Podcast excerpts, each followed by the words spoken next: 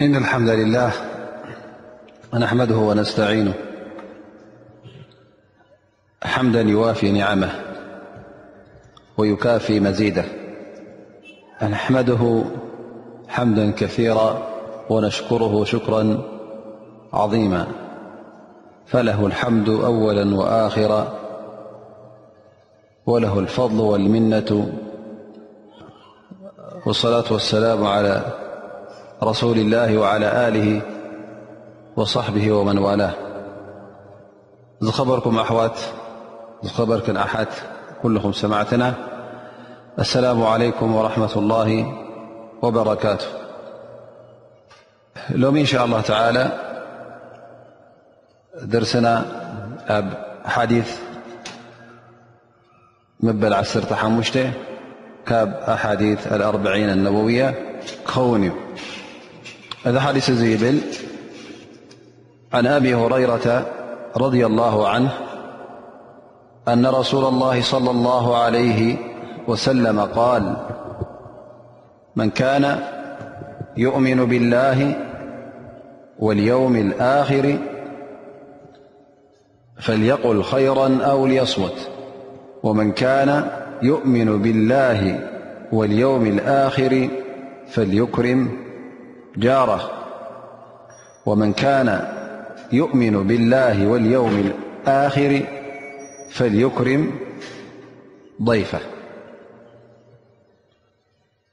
እዚ ሓዲስ እዚ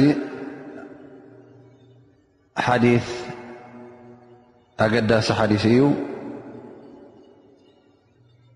ሰለስተ ቐንዲ ናይ ስነ ምግባር እስላማዊ ስነ ምግባር ኩሉ ናይ ሰናይ ስነ ምግባር ሰናይ ጠባይ ዘማለአ ቃላውን ግብራውን ጠባያት ከመይ ክኸውን ከም ዘለዎ ዝሕብር ሓዲ እዩ እዘን ሰለስተ ነገራት እነቢ صለ ላሁ ለ ወሰለም ብሓቂ ብኣላ ስብሓን ወተላ ዝኣምን ሰብ ከምኡውን ብመዓልቲ ምፃት ብዓልቲ ዮም ያማ ዝኣምን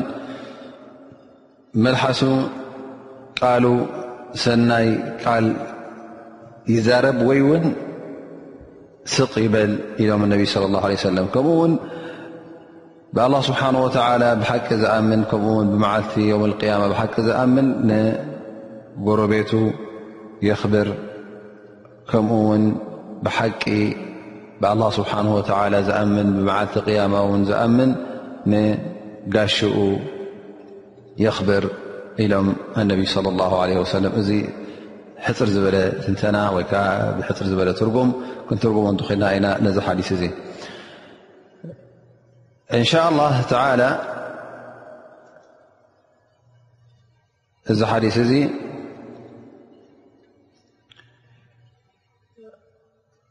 ብዝያዳ ክንትንትኖ ኢና ምኽንያቱ ኣገዳሲ ሓዲስ እዩ ካብቲ ኣብ እስልምና ቀንዲ ትርጉማት ዝሓዘለ ዓበይቲ ኣቃልቦ ክግበርሎም ዝግባእ ነጥብታት ዝሓዘለ ስለ ዝኾነ እዚ ሓዲስ እዚ ንምንታይ ዝፅውዕ ዘሎ ምስ ካልኦት ሰናይ ርክብ ንክህልወካ፣ ሰናይ ምትሕቋፍ ንክህልወካ፣ እዚ ርክብ እዚ ናብ ፍቕርን ስኒትን ዘቀራርብ፣ ናብ ሕውነትን ናብ ምትሕብባርን ምትሕቑቋፍን ዝመርሕ ንክኸውን እዩ እነቢ ሰለ ላሁ ዓለ ወሰለም እዚ ሓዲስ እዚ ዝጠቐሱ። ቀዳማይ ነጥቢ እነቢ ስለ ላ ለ ወሰለም ዝጠቕሱ ዘሎ እዚ ነጥቢ እዚ ቅድሚ ሕጂ እውን ከምኡ ዳርጋ ተመሳሳሊ ኣሓዲ ጠቒስና ነርና ማለት እዩ ኣብ ዝሓለፈ ደርስታትና ኩሉ ብናይ ወዲ ሰብ መልሓሱን ብቓሉን ክሕተት ስለ ዝኾነ ኩሉ ግዜ ካብ መልሓሱ ዝወፅእ ዘረባ ረቢ ዝፈትዎ ክኸውን ከም ዘለዎ ዳርጋ ኣብ ገለገለ ነጥብታት ከም ንኣብነት ምን ሑስኒ እስላም ልመርእ ተርክሁ ማላ እንብሎ እውን እዚ ገለ ካብቲ ካብዚ ሓዲስ እዚ ምስ ርክብ ዘለዎ ክኸውን ይኽእል ምክንያቱ ኣብ ዘይድልየካ ነገር ክትኣቱ ከብዘይብልካ ኣነቢ ስለ ላ ሰለም ክሕብሩካ ከለዉ ጣልቃ ምእታው ብመልሓስ መብዝሕትኡ ግዜ ስለ ዝኸውን እዚ እውን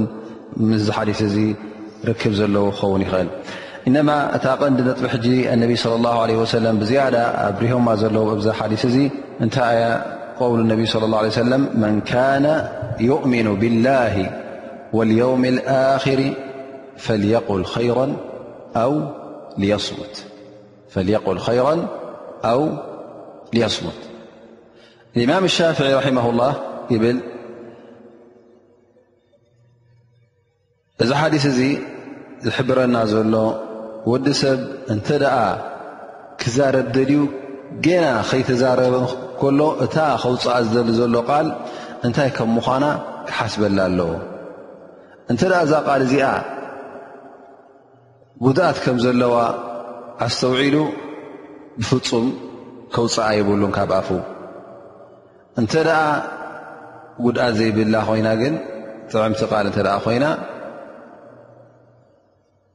ንኸውፅኣ ምንም ሽግር የብሉን ይብሉ እማም ሻፍዒ ስለዚ እተ እዛ ቃል እዚኣ ገና ከውፅእካያ ከለኻ ክትመዝና ኣለካ ሱቕ ኢልካ ከም ዝወፅኣቶ ትውፃእ ከም ዝወደቐቶ ትውደቕ ኢልካ ዘረባ ምፍናው ካብቲ ጠባያት እስልምና ኣይኮነን እስልምና እውን ዝእግዶ እዩ ሊኣኑ እዚ ቃል እዚ ክትሓስበሉ ኣለካ ክትሓስበሉ ከለኻ ውን ጉድኣት ተዳ ወላ እውን ጥራይ ጥርጠራ ይሃልኻ ምናልባሽ ጉድኣት ክህልዋ ክእል እዩ ንሓወይ ትጎድእ ንህብረተሰብ ትጎድእ ነቲ ሰማዒኣ ደስ ዘይትብል ኮይና ንዓኻ ኣብ ገለ ጠንቂ ትእትወካ እተ ኮይና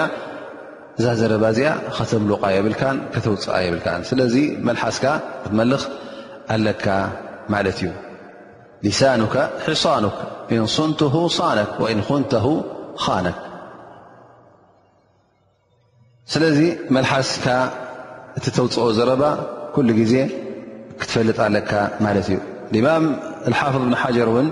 ነዚ ሓዲስ እዚ ክፍስሩ ክትንትሉ ከለዉ ልክዕ ምስ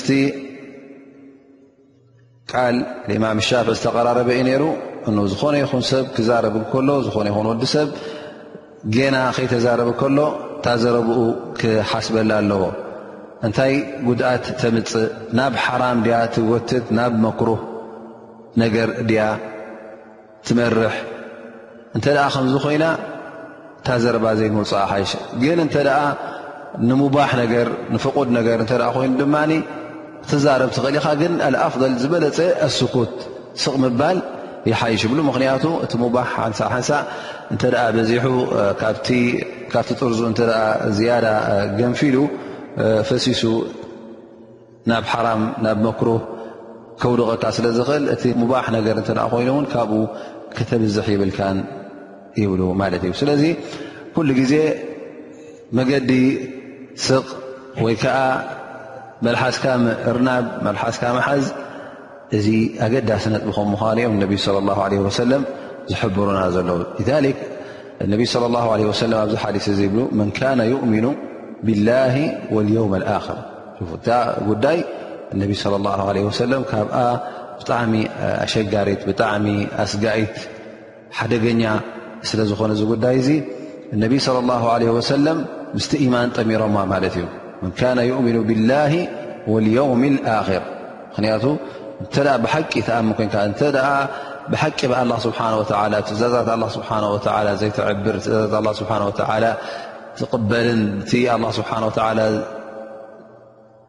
ዝሃበካ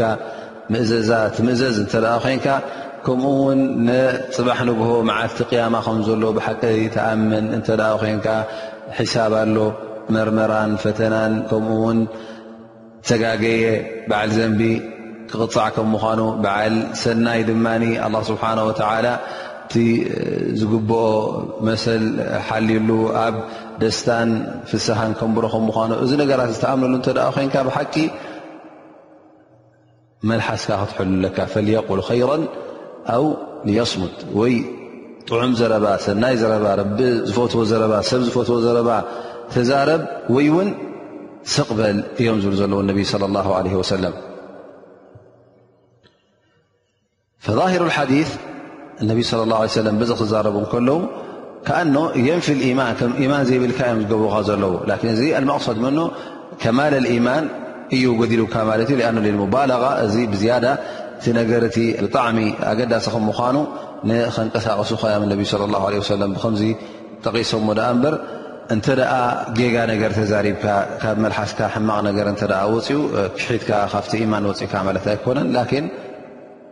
እቲ ኢማንካ ይጎድል ኣሎ ማለት እዩ ልክ እተ ንኣብነት ሕጂ ሓደ ንውላዱ ንኣብነት እንታይ ይብሎ እንተ ደኣ ወደይ ኮንካስ ከምዝ ከምዝ ግበር ወይ ከምዝ ከምዝ ኣይትግበር ኢሉ ይእዝዞ እዚ እንታይ ማለት እዩ ሃል እዚ ወዲ እዙ እተ ታ ዝበላ ዘይገበረ ወይ ከዓ ካብታ ዝከልከሎ ተተኸልከለ ወዲ ይኮነን ብጭራሽ ማለት ዩ ኣይኮነን እንታይ ደኣ እዛ ዘረባ እዚኣ ክዛረብ ከሎ እቲ ወላዲ ነዚ ውላዱ እንታይ እዩ ብዝያዳ ከንቀሳቕሶ እቲ ጉዳይ ንኽፍፅሞ ክተግህ ተጊሁ ንኽሰርሕ ንኽምእዘዞ ኢሉ እዩ ደኣ እምበር ውላዱ ምዃን እዚ ውላድ እዚ ኣይተርፎን እዩ ፈኢዘን ቃሉ እ እዚ ሓዲስ እዚ ኸረጃ ምላ ሃ መክረጅ ከምዚ ዓይነት ኣዘራርባዩ ማለት ኣገዳሲ ከም ምዃኑ እቲ ነጥቢ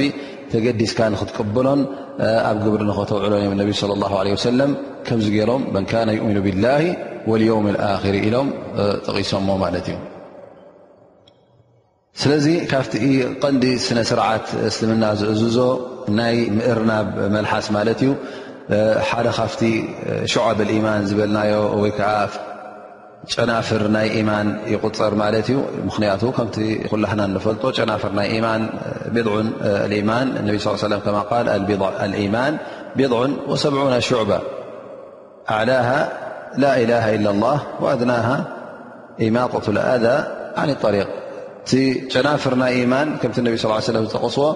ሰብዓን ገለን ዝኸውን እዩ ጨናፍሩ እቲ ዝለዓለ ጨንፈር ከዓ እቲ ቐንዲ ኢማን ቢላ ስብሓ ክኸውን ከሎ እቲ ዝተሓተ ድማ ኣብ መንገዲ ዝፀናሓካ እምንን ዓንቃፊ ነገራትን ከተርሕቕ እንከለኻ እሾኽ ኮይኑ ካልእ ዓይነት ንሰብ ዝጎድእ ክትርሕቕ ከለኻ እዚ ንገዛእ ርእሱ ሓደ ካብቲ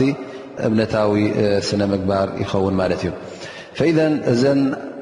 ነቢ ስለ ላሁ ለ ወሰለም ጠቒስዎን ዘሎ ኣብዚ ሓዲስ እዚ ብዛዕባ ናይ መልሓስካ መሓዝ ጎረቤትካ ምኽባር፣ ጋሻኻ ምኽባር እዚ ኩሉ እንታይ እዩ ዝቁፀር ማለት እዩ ካብቲ ሸዓብል ኢማን እዩ ዝቁፀር ብማዕና እንተ ሓንቲ ፈፂምካ ከምቲ ኣላ ስብሓን ወላ ዝኣዘካ እተ ፈፂምካያ ነቲ ኢማንካ ትምልእ ማለት እዩ እንተ ንዓ ድማ ዘይመላእካ እቲ ኢማንካ ይጎድልን ይነከን ማለት እዩ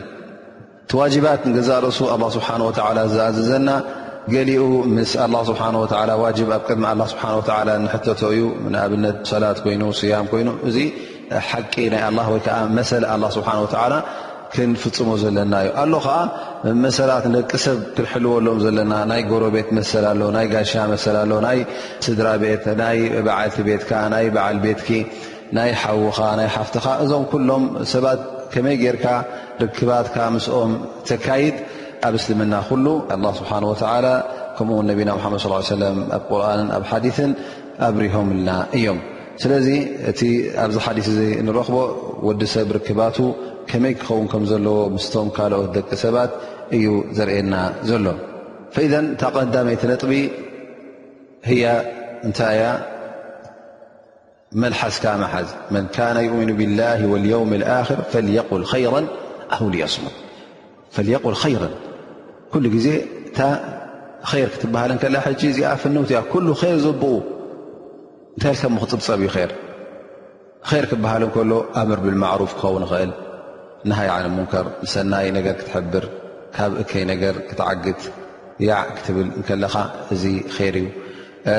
ንሓውኻ ሰላሙ ዓለይኩም ኢልካ ንሰላም ክትብሎ ር እዩ ንሕሙም ብዛዕባ ጥዕንኡ ንክትሓቶ ር እዩ ዕልሚ ክትህብ ር እዩ ሓቂ ከተፍልጥ ር እዩ እዚ ኩሉ መገዲ ዝጠፍኦ ሰብ እተ ኮይኑ መገዲ ኣርእኒ እተ ኢሉካ ሓብርኒ እተ ኢሉካ ወላ ንዝኾነ ይኹን መገዲ ዘብፅሕ ማለት እዩ ክትሕብሮም ከለኻ እዚ ር ኢኻ ትብል እዘን እቲ ር ንገዛእ ርእሱ ሰፊሕ እዩ ምስቲ ናይ ረብሓ ሰብ ተኣሳሰረ ኸውን ይኽእል እዩ ስለዚ ፈልየቁል ኸይር ኢሎም ነቢ ስ ሰለም ኣው ልየስሙት ወይ ከዓ ስቕ ይበል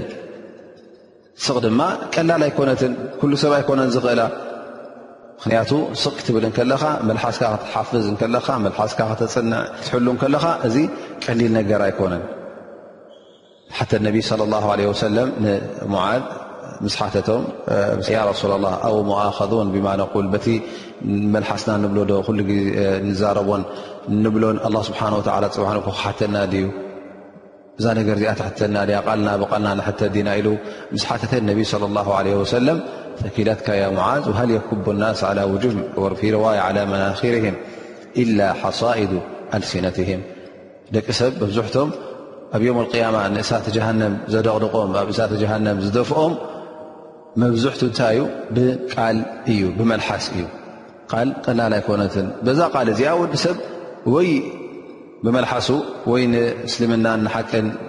ይኣቱ ወይ እውን ይወፅእ እታ ሸሃደቱ ኣን ላኢላ ላ ላ ኣና ሙሓመዳ ረሱሉ ላ ክብላ ከሎ ካብ ክሕደት ናብ እምነት እተእትዋ እዮ ወይ እውን በዛ መልሓሱ እዚኣ ካብቲ እምነት እውን ናብ ክሕደት ክሰግር ይኽእል እዩ ምክንያቱ ብመልሓሱ እንተ ኣነ ካብቲ ኢማን ካብ መገዲ ኢማን ወፅኤ ድሕሪ ሕጂ ብከምዚ ብኣላ ስብ ኣይኣምን ብቁርን ኣይኣምን እተ ኢሉ ንዲን እስልምና ክፀርፍ እተ ተረኪቡ ብዲን እስልምና ክላገፅ እተ ተረኪቡ መልሓሱ ንነቢ ስለ ላ ለ ወሰለም ክፀርፍን ክላገፀሉ እተ ተረኪቡ እዚ ኩሉ ንገዛእ ርእሱ ተግባራዊ ቃላዊ ካብቲ ኢማን ዘውፅኣካ እዩ ስለዚ መልሓስ ትዛረቦን እትብሎን ኢማን ንኸውፅኣ ስለ ዝኽእል መልሓስካ ምሕላው ቀሊል ነገር ኣይኮነን ስለዚ መልሓስና ንሓሉ ኩሉ ግዜ ብኣ ንኼር ጥራይ ንዛረበላ ኼር እንተዘይኮይኑ ካልእ ነገር እውን ካብኣ ንኸይወፅእ ክንቃለስን ክንትግህን ይግብኣና እዚኣ ተቐዳመይቲ ነጥቢ ክትከውን ከላ እታ ካልኣይቲ ነጥቢ ብዛዕባ ጎረቤት ምኽባርያ እትጠቅስ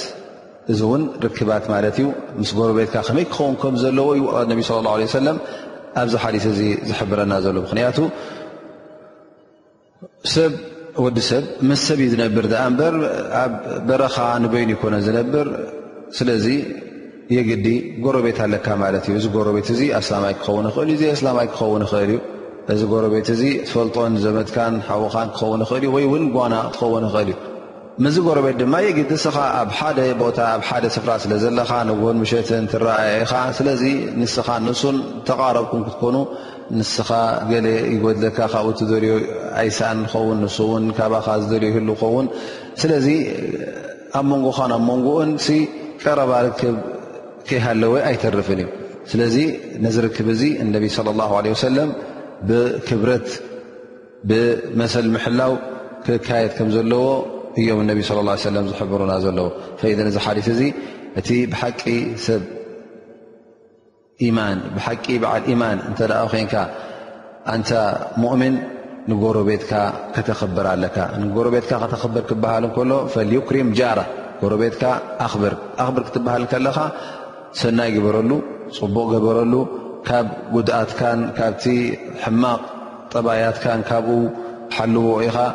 ኣይትጉድኣዮ እዩ ዝብል ዘሎ ማለት እዩ እዚ ሓዲስ እዚ የቁል ላ ስብሓን ወተላ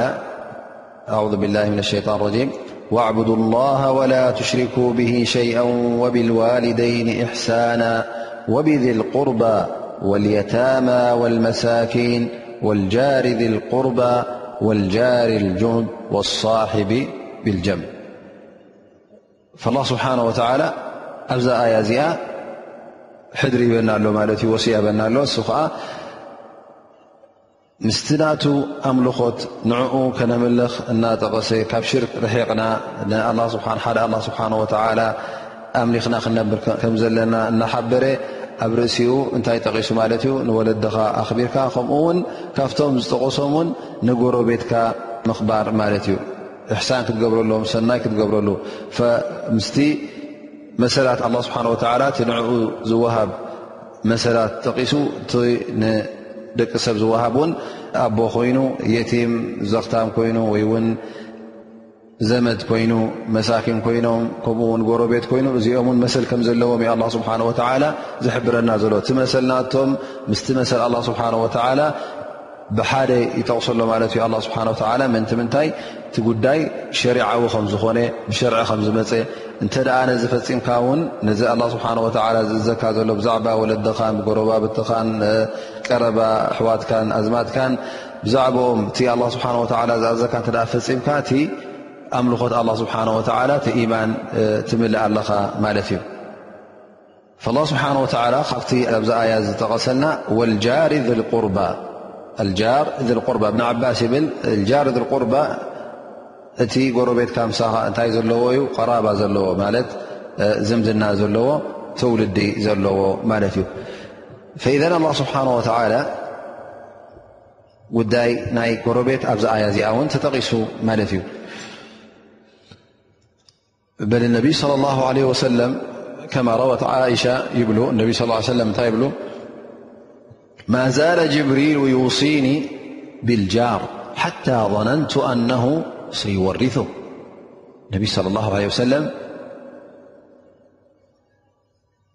ጅብሪል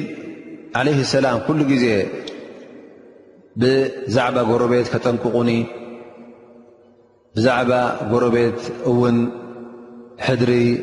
ወስያ ክቡኒ ስለ ዝበዝሐ ኣነስ እሞ ዝጎረቤሲ ምናልባሽ እውን ኣላ ስብሓን ወተዓላ ካብቲ ውርሻ እውን ይግብኦ ይብል ይኸውን ኢለ እፅበ ነይረ ይብሉ ነቢ ለ ላ ለ ሰለም ሓታ ظነንት ኣነሁ ሰይወሪቱ ነቢ ስ ሰለም ድሕሪ ሕጂ ዝወሰያታት ከብተዋብኩስ እሞ ምናልባሽ እውን ኣላ ስብሓን ወተዓላ ጎረቤት እውን ካብቲ እትገድፎ ማል ገዲፍካዮ ትመውት ገንዘብ ማል እውን ክውርስ እዩ ምናልባሽ ይብለኒ ይኸን ኢለ ክሳዕ ክንዲዚ በፂሐ ይብሉ ነቢ ስ ሰለም እዚ እንታይ ዝርእየና እቲ ጅብሪል ሒዞሞ ዝመፁ ዝነበረ ወስያን ነቢ ስለ ላ ሰለም ብዛዕባ ጎረቤት ዝብዎ ዝነበሩ ቀሊል ስለ ዘይኮነ ብዙሕ ስለ ዝነበረ ብዝሐ ነይርዎም ከምኡ እውን ትሪ ስለ ዝነበሮ ብዛዕባ ጎረቤት እዚ ክብሪ ናይ ምክ ጎረቤትካ ምኽባር መሰል ጎረቤት ምሕላው ቀሊል ነገር ከም ዘይኮነ እዩ ዘርእየና ዘሎ ማለት እዩ በል እንተ ደኣ ንጎረቤትካ እትፍጽሞ ገበንን ንኻልኦት እትፍጽሞ ገበንን ሓደ ኣይኮነን እንተ ደኣ ጎረቤትካ ኣዚኻዮ ጎዲእካዮ ኣሸጊርካዮ እቲ ዘንብናቱ ዝዓበየ ይኸውን ማለት እዩ ንካልኦት ልክዕ ከምቲ ንጎረቤትካ ዝጎዳእካዮን ዝበደልካዮን እተ በዲልካዮም እቲ ዘንብናቱ ናይ መን ይበዝሕ ነቲ ጎረቤት እትፍፅሞ ገበን ይበዝሕ ذሊክ ነቢ صለ ላ ለ ወሰለም የል ፊማ ረዋ ልምቅዳድ ብን ኣስወድ ረ ን የዝኒ ረጅሉ بعشر نسوى خير له من أن يزني بامرأة جاره ولأن يسرق الرجل من عشرة أبيات أيثر له من أن يسرق من بيت جاره حديث عظيم النبي صلى الله عليه وسلم يبلو حدث بنتد ኣብ ዝምውና ወዲቑ እንተ ደኣ እዚ ዝምውና እዚ ምስ ጎረቤቱ ማለት ምስ ሰይቲ ጎረቤቱ እንተ ደኣ ገይርዎ እዚ ገበኑ ካብ ዓሰርተ ዝምውና ምስ ካልኦት ዝገብሮ ካብኡ ይሕይል ይብርትዕ ይብሉ ነቢ صለ ላه ለ ወሰለም ኣን የዝኒ ረጅሉ ብዓሽሪ ኒስዋ ኸይሩ ለሁ ምን ኣን የዝኒ ብምርኣተ ጃሪ ኢዘን እቲ ዘንብናቱ ካብ ዓሰርተ ዕፅፊ ዝያዳ እዩ ኢሎም እነቢ ለ ላ ለ ወሰለም እቲ ገበን ትፍፅሞ ምስ ኣንፃር ገሮ ቤትካ እዚ ሕጂ እቲ ዝዓበየ ወላ ኣን የስሪቀ ረጅል ከምኡ እውን ካብ ካልእ ሰብ ትሰርቆ ካብ ጎሮ ቤትካ ትሰርቆን እቲ ዘንብናቱ ተፈላለየ እዩ እቲ ነቢ ስ ሰለም ወኣን የስሪቀ ረጅ ምን ዓሽረቲ ኣብያት ካብ ዓሰርተ ገዛ ትሰርቆ ይቐልል ካብቲ ካብ ሓደ ጎረቤትካ እትወስዶ ንኣብነት ካብ ጎረቤትካ እተ ንኣብነት ሽሕ ቅርሺ ሰሪቕካ ካብ ካልኦት ሰባት ሽሕ ዓተ ገዛ ካ ዕስራ ገዛ ካ ትሰርቆ ሸ2ራ ሽ እትሰርቆ ይቐልል ይብሉ ነቢ ለ ለ ሰለም ስለምንታይ እዚ እቲ ቐንዲ ኣላ ስብሓን ወተላ እዚ እስልምና እዚ ከውርዶ እንከሎ ጥራይ ናይ ውልቃዊ ተግባራት ዝሕሉ ኣይኮነን እንታይ ደኣ ንገዛእ ርእሱ ነቲ ህብረተሰብ ብምሉኡ ስርዓት ዝህብ ዲን እዩ ስለዚ እዚ ስርዓት እዚ ክካየድ እተ ደ ኮይኑ ግዴታ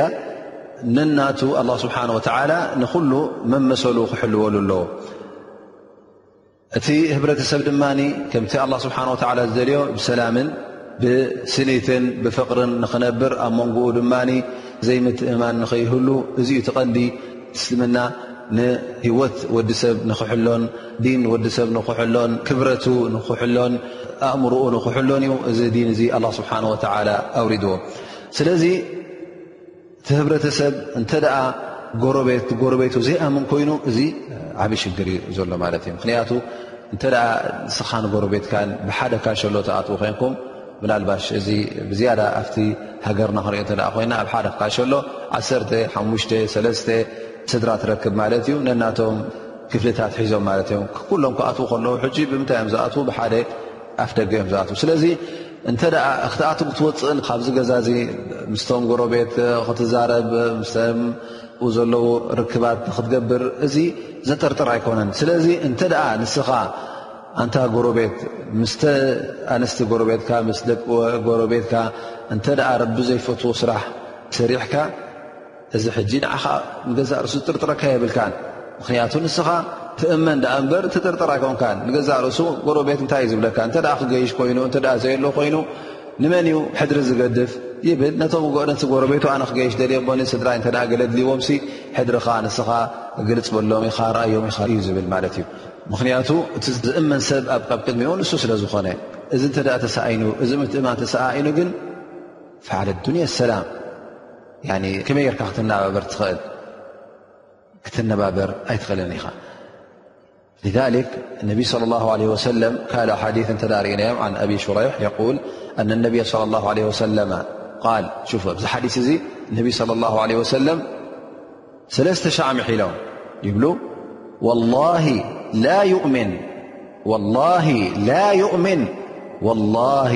لا يؤمن لم تزاربهم والله لا يؤمن ان صلىال عليه وسلم محلو ل ت والله وا يأمنن والله يآمنن لم النبي صلى الله عليه وسلم إذ مستزارب اصحابة رضوان الله عليهم لشع محلى مسمع تقدي سحبዎم ፈሰኣሉ ነቢ صለ ه ሰለ ል ያ ረሱ ላ ል መን ያ ረሱ ላ መን ዩ ያ ረሱ ላ እዚ ከምዚ ኢልካ ስለስተ ሻዕ ትምሕለሉ ዘለኻ ያ ረሱላ ላ ኣይኣምንን እዩ ካብ እምነት ትርሕቆ ዘለኻስ መን እዩ ያ ረሱላ ላ ኣኑ ግዴታ ክፈልጥዎ ኣለዎም ምኽንያቱ ኣብዚ ጌጋ እዚ ንኸይወጥቁ ነቢ ስለ ላ ሰለም ከምዚ ገይሮም ክምሕሉ ከለዉ እቲ ጉዳይ ቀሊል ከም ዘይምዃኑ እዮም ዝርእዎም ዘለዉ ማለት እዩ ሰሓባ ርድዋ ላ ዓለይህም ምስዚ ዘረባ እዚ እውን ትንቀሳቒሶም ማለት እዮም መን እዩ ያ ረሱላ ላ እዚ ከምዚ ኢሉ ካብ ኢማን ዝስጎጉ ዘሎ ቃል ነብይ ስ ሰለም ኣለذ ላ የእመኑ ጃሩሁ በዋኢቃ እዚ እቲ ኣይኣምንን እዩ ኢሎም ነቢ ስለ ላ ሰለም ኢማን የብሉን ኢሎም ነፂጎሞ ዘለዉ ነቢ ስ ሰለም መን እዩ እቲ ጎረቤቱ ዘይኣምኖ እንተደኣ እዚ ጎረቤትካ እዚ ኩሉ ግዜ ዘስግኣካ እተ ኮይኑ ዘፍርሃካ እተ ኮይኑ ኣማና ዘይብሉ ጎረቤት ኢማን ዘይብሉ ጎረቤት እንተ ደኣ ቁሩብ ርሕቕ ኢልካ ኣብ ስድራኻ ገለ ንኸይገብሮም ትፈርህ ማልካ ገለ ንኸይገርበልካ ገዛኻ ገለ ንኸይገርበልካ ንኸይጎድኣካ እዚ ነገር እዚ ንኸይውድቐልካ ኣብ ሽግር ንኸይውድቐካ ንኸይከሰካ ምስ መንግስቲ ኮይኑ ምስ ጎረባብቲ ሽግር ንኸይገብረልካ እንተ ደኣ ኩሉ ግዜ ተጠንቂቕካ ፈሪህካ ትኸይድ ኮይንካ እሞ ኸዓ ኣነስ ካብዚ ጎረበይተይ እዚ ሙሲባ ከይትመፀኒ ሽግር ከይመፀኒ ኢልካ እንተ ኩሉ ግዜ ትፈርህ ኣብ ፍርሃት ትነብር እተ ኮይንካ ተሳቂቕካ ትነብር እተ ኮይንካ እዚ ሰብ እዚ እዚ ጎረቤት እዚ ነቢ صለ ላه ለ ወሰለም በዓል ማን ኣይኮነሉ ምክንያቱ ጎረቤቱ ዘይኣምኖ ሰብ ምክንያቱ ጎረቤት ዓሪሱ ዩ ትፈልጠካ መን ምዃንካ እንታይ ትግባርካ ጎረቤትካ ኩሉ ግዜ ይፈልጠካ እዩ ስለዚ እንተ ጎረቤትካ ዝጥንቀቐካ ዝፈርሃካ እተ ኮይኑ ር ከምዘይብልካ ይርኢ ኣሎ ማለት እዩ እዚ ስለዚ ነቢ ለ ላ ለ ወሰለም ነዚ ሰብ እዚ ነዚ ከም ዝኣመሰለ ጎረቤት ዝፍራሕ ጎረቤት እንታይ ኢሎም እዚ ሰለስተ ሻዕ ምሒሎም እዚ ሰብ እዚ ፈፂሙ ኣይኣምንን እዩ ወላ ላ ዩእሚን ወላ ላ ዩእሚን ወላ ላ ዩእሚን ኢሎም ማለት እዩ ፈኢዘን ተክራር እዚ ምድግጋሚ እዚ እንታይ እዩ ዘርእየና ዘሎ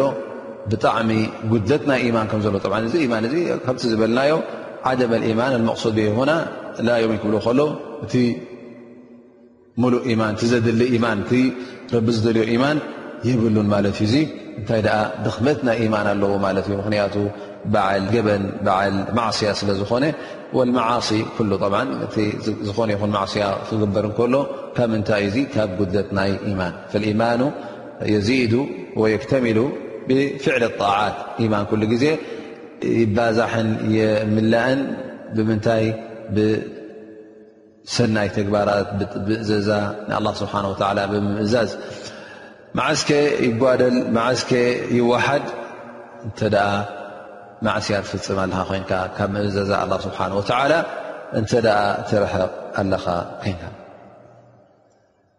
ጠብዓን እሞ እንታይ እቲ ዝግባእ ኢልካ ክሕተት እንተ ኮይኑ ጠብዓ ንጎረቤትካ ትገብሮ ኩሉ ሰናይ ዘብኡ እዩ ኢክራም ክበሃል እንከሎ ኢክራም ብማዕና ሻምል ንኩሉ ዘማልአ እዩ ፍሉይ ዓይነት ኣይኮነን ከከም ክእለትካ ትገብሮ ማለት እዩ ንጎረቤትካ ሰላም ኢልና ክትሪኦ ከለኻ ብፅቡቕ ገፅ ክትቀበሎ ፍሽኽ ኢልካ ክትቀበሎ ከለኻ እዚ ንገዛእ ርእሱ ምን እክራም እልጃር ጎረቤትካ ምኽባር ማለት እዩ ክትሓተሉ ክሓምም እንከሎ ትሓተሉ ከይረኣኻዮ ክቕንክቅኒ ከለኻ ከይረኣኻዮ ክትውዕል ከለኻ ውን እንታይ ኮይኑ ኢልካ ውን ክትሓትት ከለኻ ከምኡ ውን ሃድያ ክትቦ ጎረቤትካ ስለ ዝኾነ ካብቲ ንስኻ ምናልባሽ እንተ ፍሩት ኣምፅእካ እንተ ብብዝሒ ዘይርከብ ንኣብነት ብልዕታት ኣብቲ ዘለካዮ ህብረተሰብ ንኣብነት እንተ ፍልይ ዝበለ መግቢ ኣምፅእካ ካብቲ ገበርካዮ መግቢ ሃድያ ክትህቦ እንተ ሓሪድካ ንኣብነት ስጋ ኮይኑ ካልእ ዓይነት ኮይኑ ክትቦ ከለካ እዚ ኩሉ ካብቲ ኢክራሙ ማለት እዩ ከምኡ ውን ካብ ዝኾነ ይኹን ጉድኣት ተጀሱስ እንታይ ገይሩ እንታይ ኣምፅኡ ብየን ሓሊፉ ኢልካ ደድሕሪኡ ውን ተጀሱስ ንከይትገብር ውን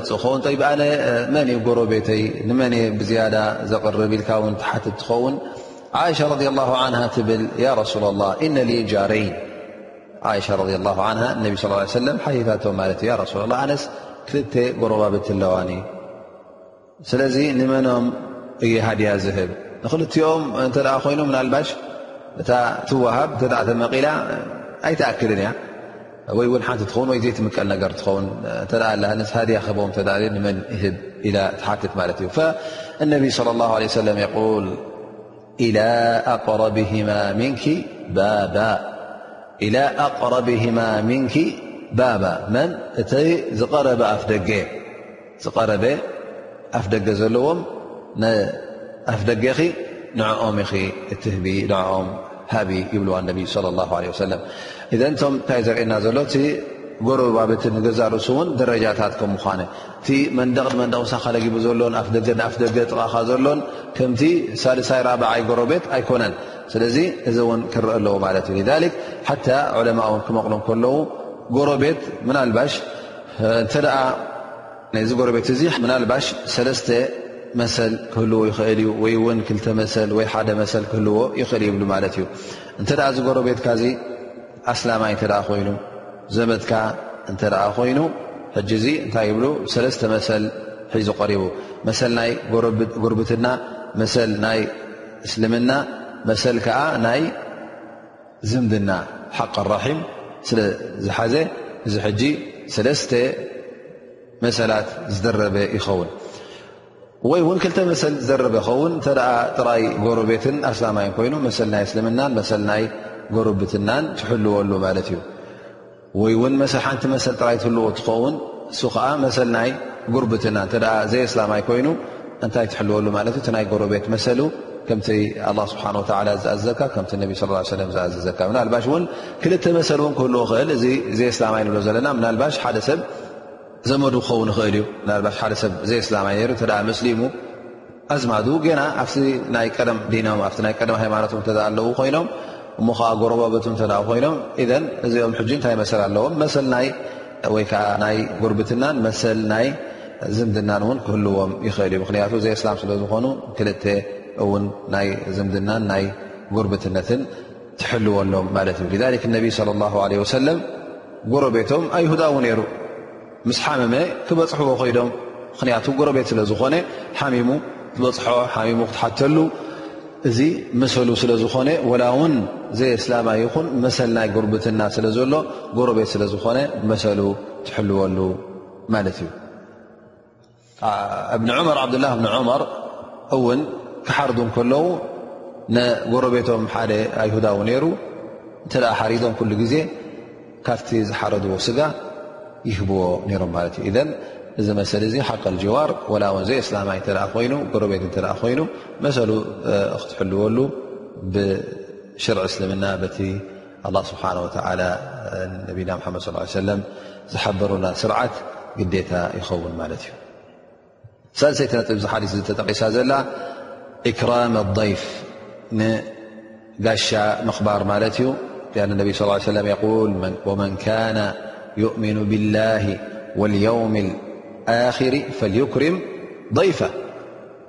ሓቂ ዝኣምን ብኣላ ስብሓን ወተላ ሰብ ከምኡ ውን ብዮም ኣልቅያማ ንጋሽኡ ከኽብር ኣለዎ እዘን ጋሻ ምኽባር ናይ ባህሊ ፀባይ ናይ ባህሊ ስነ ምግባር ኣይኮነን እንታይ ደኣ እዚ ካብ ክሳል ልኢማን እዩ ካብ እምነት ዝተበገሰ ስነ ምግባር ከም ምዃኑ ክንኣምን ኣለና ማለት እዩ ስለዚ እዚ ብሸርዕናን ብዲናን ተዋሃበና ስርዓት ከም ምዃኑ ክንኣምን ኣለና ማለት እዩ ምናልባሽ ገለገለ ሰባት ጋሻ ምኽባር ከምዚ ናይ ማሕበራዊ ባህሊ ይመሰም ኸውን ናይቲ ህብረተሰብ ናይቲ ማሕበረሰብ ዘለዎ ባህሊ እዩ እሞኒ እንተ ዘየኽበርና ጋሻ ተቐበልና ሰብ እንታይ ከይብለና ኢሉ በዚ ወገን እዚ ጥራይ ዝሪኦ እተ ኮይኑ እቲ ዝገብሮ ዘሎ ካብ ኣጅሪ ይተርፍ ኣሎ ማለት እዩ ላኪን ኢዛ ኩንተ ተዕተቂድ እንተ ብሓቂ ንጋሻ ዝመፀ ከተኽብር ክትቅበል ክትዕንግል ክትጋይሽ እንከለኻ እዚ ነገር እዚ ዋጅብ ብኣላ ስብሓን ወተላ ተኣዘዝካዮ ከም ምዃኑ ትኣምን እንተ ኮይንካ ካብኡ ተበጊስካ ክትፍፅሙ ከለኻ ኣጅር ትረኽበሉ ማለት እዩ ኣን ሃ ምን ክሳል ልኢማን ሓደ ካብቲ እምነት እስልምና ዝእዝዞ ማለት እዩ ነቢ ስ ሰለም የቁል ወመን ካነ ዩእምኑ ብላሂ ወልየውም ልኣክር ውፅኢቱ እንታይ እዩ እንተ ደኣ ብኣላህን ብየውም ልኣክራ ንተኣምን ኮንካ ፈ እንታይ ትግበር ማለት ከ ውፅኢት ናይ እዙ ንጋሻኻ ኣኽብር እንተ ደኣ ብሓቂ ኢማን ዘየሎ ኮይኑ ድሕሪኡ እተ ዘየኽበርካ ኸላስ ነቲ ኢማንካ ይጎድል ኣሎ ማለት እዩ ፈኢዘን ጋሻ ምኽባር ሓደ ካብቲ ስርዓት እስልምና ስብሓን ወተላ ናይ ኣዳብ እስላም በል ዑለማ እዚ ዋጅብ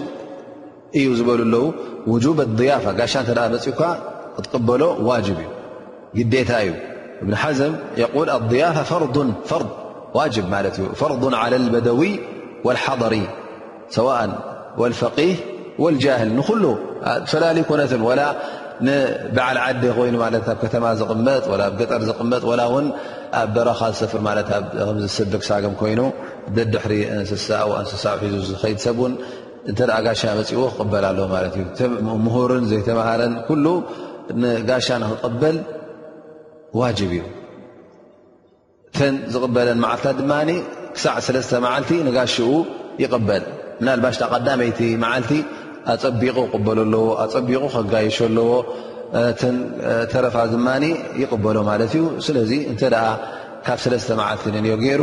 እንተ እቲ ዝግብኦ ናይ ምግያሽ ገይርሉ ፅቡቕ እንተዘየሎ ግን ብድሕሪኣ ዋጅብ ኣይኮነን እቲ ዝገብሮ ብድሕሪኡ ኢሕሳን ማለት እዩ ፅቡቕ ተግባር እዩ ኣጅር ኣለዎ ግን ተን ሰለስተ መዓልቲ ዋጅብ እዩ ይብሉ ማለት እዩ በል ዕለማ ገለብሉ እንተ ጋሻ መፅኡ ዘይተቐበልካዮ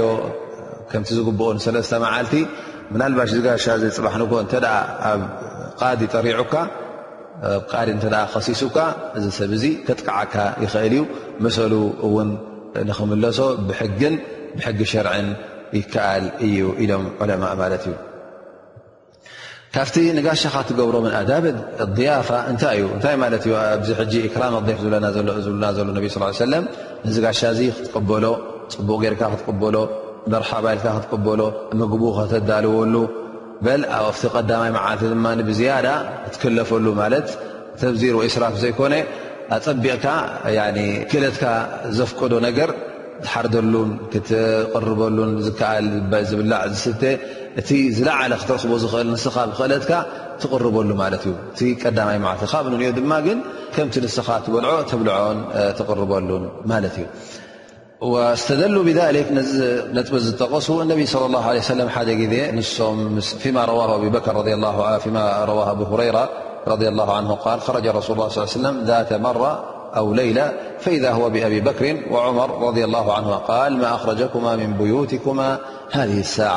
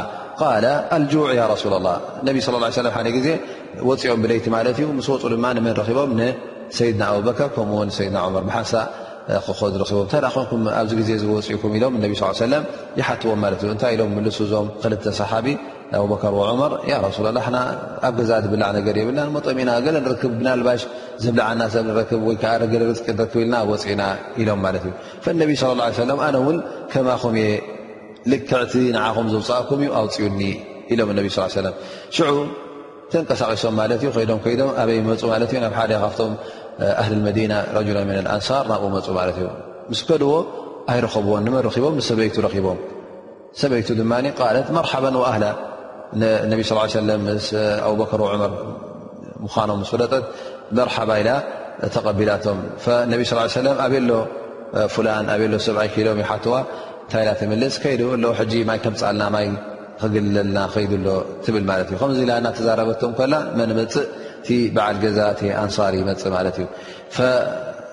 ምስ ረመፀ ንመን ይረክብ ንነቢ ስ ሰለም ከምኡውን ኣቡበከር ዋ ዑመር ምስኦም ምስ ረኣዮም ብጣዕሚ ይሕጎስ ኣልሓምዱሊላ ይብል ሎም መዓልቲ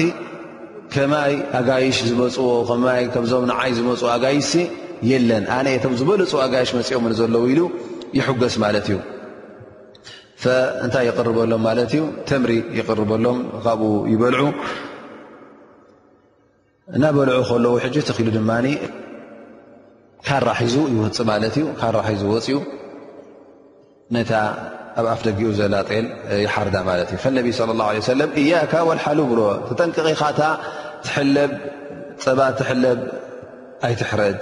ንዓና ኢልካ ይብልዎ ማለት እዩ ነቢ ስ ሰለም ዝኾነ ኮይኑ ንሱ ድማ እታ ትሕረድ ሓሪዱ ዝብላዕ ነቢ ስ ሰለም ስጋ ኣቕሪቡ ተምሮም በሊዖም ሰትዮም ይኸዱ ማለት እዩ ዕለማ ይብሉ ነቢ ስ ሰለም እዚ ሰብ እዚ በጊዕ ክሓርደሉ ከሎ ወይ ከዓ ዝሕረድ ነገር ክሓርደሉ እከሎ ተቀበሎ ከሎ ከም ጋሻ መጠን እነቢ ስ ሰለም ስለምንታይ ከምዚ ገርካ ኣይበሎን ስለዚ